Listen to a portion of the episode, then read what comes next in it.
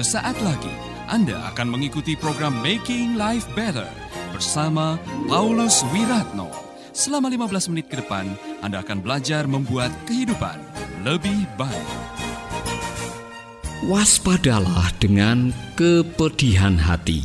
Bersama saya Paulus Wiratno dalam acara Making Life Better. Saudara pendengar yang dikasih oleh Tuhan, masih dalam pembahasan tentang memiliki hati yang bersih Kali ini saya ingin mengajak saudara-saudara untuk coba mengevaluasi hati kita masing-masing. Adakah kita memiliki hati yang sakit atau sakit hati? Atau barangkali ada di antara saudara-saudara yang sedang capai hatinya. Tapi yang jelas, pada edisi kali ini saya ingin mengajak kita semua untuk coba mencermati betapa bahayanya menyimpan sakit hati. Sebuah artikel mengatakan seperti ini: Our pain of being human is always with us in any situation of life. Sakit hati kita sebagai umat manusia, sebagai makhluk yang namanya manusia itu selalu bersama dengan kita. It is present whether we are in a sorrow or in relaxed moment. Itu selalu ada bahkan pada waktu kita sedang dalam keadaan kepedihan atau saat kita relax atau santai, ada saja. This is the worst thing of our pain that it doesn't kill us in order to be free from it. Ini yang terburuk dari apa yang disebut dengan sakit hati tadi. Itu tidak membunuh kita dalam rangka untuk kita bisa keluar atau bebas daripadanya. We experience the pain as far as we live. Kita selalu akan mengalami yang namanya sakit hati selama kita hidup. Whenever we face a new challenge, when we are in the presence of loving and when we find ourselves out of a safe area. Ketika kita sedang menghadapi tantangan-tantangan yang baru, ketika kita bahkan sedang dalam mencintai sesuatu, dan bahkan pada waktu kita berada di dalam area atau tempat yang aman sekalipun, kita menghadapi yang namanya sakit hati. Nah, artikel dari internet yang saya temukan ini membahas lebih lanjut dengan mengatakan seperti ini dalam hidup ini, kita dapat mempersiapkan dan mengantisipasi berbagai macam hal. Tetapi saat-saat tertentu kita bertemu kenyataan-kenyataan yang tidak terelakkan di luar dari persiapan kita. Yang menyentuh keterbatasan kita seperti usia lanjut dan moralitas. Derita sakit, relasi yang hancur, dan luka-luka harian. Refleksi ini mengajak kita untuk merenungkan hal-hal yang harus kita hadapi tetapi tak seorang pun yang sungguh dapat mempersiapkan kita untuk hal tersebut. Lalu bagaimanakah kita dapat hidup dengan rahmat sebagai manusia yang tidak sempurna ini? Kehidupan manusia tidaklah terlepas dari kepedihan, saudara. Luka-luka itu bahkan mungkin telah bersama kita sejak awal keberadaan dunia ini. Manusia telah mengalami penderitaan psikis yang tak terhitung dalam banyak kejadian, baik oleh alam maupun oleh kesalahan manusia itu sendiri. Meski demikian, berbicara secara psikologis, ada luka lain yang tak terelakkan, yakni luka sebagai manusia, sebagai diri kita. Parahnya, tidak ada obat kimiawi yang tersedia untuk luka semacam ini. Satu-satunya hal yang dapat dibuat adalah menerima dan memahaminya karena luka kita masing-masing adalah eksistensi kita sebagai manusia. Tetapi luka ini justru menolong kita untuk mengekspresikan diri kita, menyadari siapa diri kita, di mana posisi kita, apakah kita mencintai atau dicintai, dan apa sebenarnya keyakinan kita. Tetaplah di Making Life Better bersama Paulus Wiratno. Saudaraku, luka pribadi kita dibentuk oleh dan di dalam latar belakang kita. Pengalaman budaya, relasi, dan dalam seluruh kisah hidup kita. Luka ini membawa arti yang kaya sebenarnya, mendalam dan berharga bagi keberadaan kita sebagai manusia. Menerima dan memahami luka kita berarti kita mau bebas dan bertanggung jawab atasnya. Dengan kekuatan batin kita, daripada sekedar menjadi korban nasib. Nah, kekuatan batin membantu kita untuk menemukan kebenaran di balik rasa frustasi dan kesepian yang tak terelakkan itu.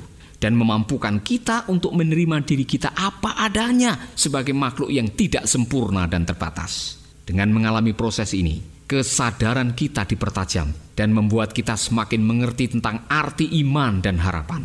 Sekali kita mampu berbagi kepedihan dan rasa duka kita dengan orang lain pada saat yang sama, kita belajar bagaimana mencintai dan setia saat-saat yang sulit dalam relasi, kita juga dapat menggunakan kesadaran kita, terutama ketika kesetiaan dan kepercayaan kita ditantang. Terlebih bila kejadian itu datang pada saat kita tidak siap atau di luar pengharapan kita dan menuntut banyak pengorbanan. Saudaraku, penderitaan ini memperdalam kesadaran kita dan mengingatkan kita akan tanggung jawab kita sebagai manusia. Sedikit demi sedikit, kita harus bisa mengesampingkan dan bukannya melebih-lebihkan ketakutan kita, tetapi semakin terbuka, sebab tantangan seperti ini adalah bagian dari keberadaan kita. Semakin orang merasakan luka dalam mencintai sesama, semakin mereka menyadari arti cinta sejati dan menjadi pecinta yang sejati. Luka dalam relasi kita tidak dapat pernah menumpulkan kita melainkan akan semakin menumbuhkan kita untuk menjadi semakin matang. Sebaliknya, kita tidak akan pernah berkembang dan bertumbuh jika kita mengasingkan diri dan lari dari luka ini. Saudaraku, sungguh sebuah artikel yang menarik untuk kita renungkan. Di dalam artikel ini dikatakan bahwa kita sebagai manusia, kita mengalami apa yang namanya sakit hati. The pain is universal. Rasa sakit itu sifatnya universal. Siapa saja, di mana saja, kapan saja kita akan menghadapi yang namanya sakit hati. Nah, masalahnya bagaimana kita bisa mengelola sakit hati sehingga sakit hati itu tidak menghancurkan hidup kita, tapi justru bisa kita pakai sebagai sarana untuk kita bertumbuh. Dikatakan oleh artikel tadi ialah langkah yang paling baik untuk kita bisa mengalami pertumbuhan melalui sakit hati ialah menerima realita apa adanya dan bertanggung jawab untuk mengatasinya. Saudaraku, kita semua kalau kita mau jujur sejak manusia jatuh dalam dosa, kita menghadapi apa yang namanya pengkhianatan, kita menghadapi apa yang namanya fitnah, kita menghadapi apa yang namanya kelicikan hati manusia, penipuan, kejahatan, tangan kotor, pembusukan dan sebagainya. Itu semua adalah hasil dari sebuah dosa. Kemarin kita telah membahas bahwa karena kita sendiri tertipu oleh hati kita sendiri, kadang-kadang kita justru melukai hati kita. Kita sendiri yang melukai hati kita. Nah, bagaimana caranya kita bisa mengatasi semuanya ini? Kita harus berani mengambil sebuah tanggung jawab untuk menerima semua kenyataan. Kalau saudara pernah dilukai, kalau saudara pernah melukai, terimalah sebagai sebuah kenyataan. Lalu setelah kita menerima kenyataan ini lalu mau bikin apa? Jangan terus-menerus tinggal dalam keadaan seperti itu. Kalau engkau pernah melukai dan engkau pernah dilukai, berhentilah sekarang. Caranya bagaimana?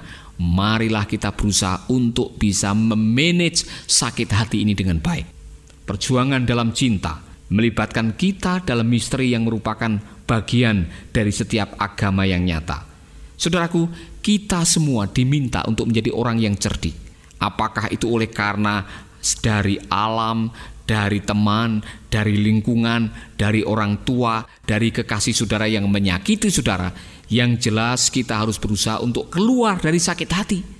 Sebab kalau saudara tidak mau mengatasinya dan tidak ada niat untuk keluar daripadanya, hatimu akan mengalami pembusukan. Ingat baik-baik, hurt people hurt. Orang yang terluka dan belum disembuhkan akan cenderung melukai orang lain. Saudara pernah melihat sinetron yang di dalamnya ada seorang ibu yang selalu melukai orang lain. Dia selalu membenci dan mengeluarkan kata-kata yang pedes. Orang Jawa bilang judes. Dia selalu ngomong you you you and I you I I you. Nah, saudara-saudara, orang itu, wanita itu dia selalu mengucapkan kata-kata yang pedas. Dia selalu berusaha melukai orang lain karena apa? Karena hatinya masih terluka.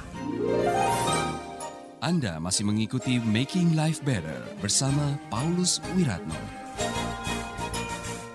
Kalau saya memiliki secangkir teh, kemudian saya berjalan dari dapur menuju ke ruang tamu, kemudian saya tersandung, yang tumpah dari gelas saya atau cangkir saya adalah air teh. Kalau saya membawa segelas Coca-Cola dan saya sedang menuju ke ruang tamu dan saya tersandung dan saya jatuh, yang tumpah dari gelas saya adalah Coca-Cola.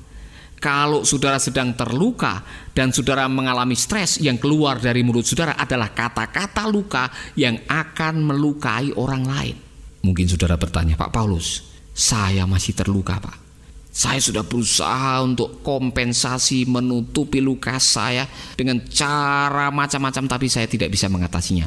Semakin saya melukai orang lain, semakin dalam luka yang ada di dalam hati saya. Saudaraku, saudara tidak akan bisa menyelesaikan luka dengan cara melukai orang lain. Saudara tidak akan bisa melukai luka batin hanya dengan menutupi atau coba melupakannya. Luka batin harus disembuhkan. Lalu caranya bagaimana? Mengampuni. Saudaraku, bagian dari tanggung jawab kita sebagai orang yang dewasa ketika kita mengalami luka batin atau kepedihan hati ialah belajar untuk mengampuni. Saya berkali-kali mengatakan, kalau saudara dipagut ular, digigit ular, jangan ke sana kemari menghabiskan waktu saudara untuk mencari ularnya. Lebih baik saudara segera mencabut bisanya. Sebab jangan sampai sementara saudara lari mengejar ularnya, bisa atau racun yang sudah masuk dalam tubuh saudara itu menuju ke jantung dan membunuh saudara. Sama dengan luka batin. Jangan saudara mencari orang yang telah melukai saudara ke sana kemari, mencoba untuk membalas dendam, memperkarakan, membuat orang itu menderita. Saudaraku, sementara saudara mencari, sementara saudara berusaha untuk membalas dendam, luka itu semakin dalam masuk di dalam hati saudara. Belajarlah untuk mengampuni. Dan ada sebuah tips yang bisa menolong saudara.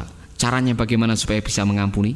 Belajarlah untuk saudara diampuni lebih dahulu. Rasakan dulu pengampunan yang datang dari Tuhan. Tuhan itu Maha Pengampun apa pun juga perbuatan yang setelah saudara lakukan, semerah apa dosa saudara, sebobrok seperti apa moral saudara, sebusuk apa hati saudara, kalau kita mau jujur di hadapan Tuhan dan mengatakan Tuhan ampuni saya. Saya berdosa di hadapanmu. Selama ini saya menyimpan kepedihan, saya menyimpan dendam dan sakit hati.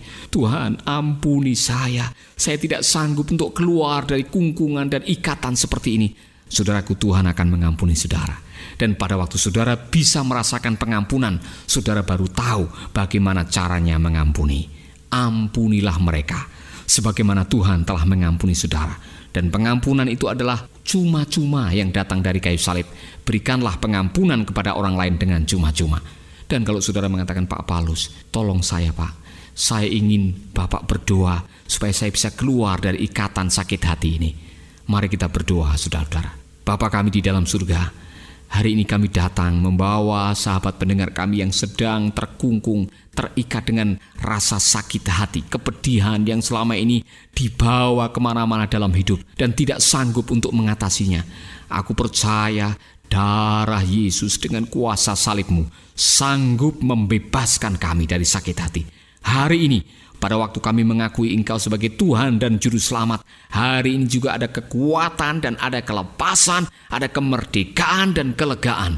Ampunilah kami dan berikan kami kekuatan dan keberanian untuk mengampuni orang-orang yang telah melukai hati kami. Terpujilah namamu Bapa. Di dalam nama Yesus kami berdoa. Amin. Tuhan memberkati saudara.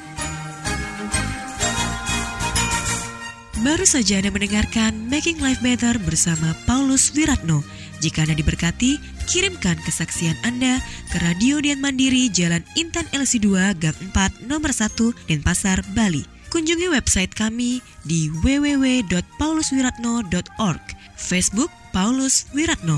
Hubungi kami di 081 338 665500 Sekali lagi 081 338 665500. Terima kasih, Tuhan memberkati.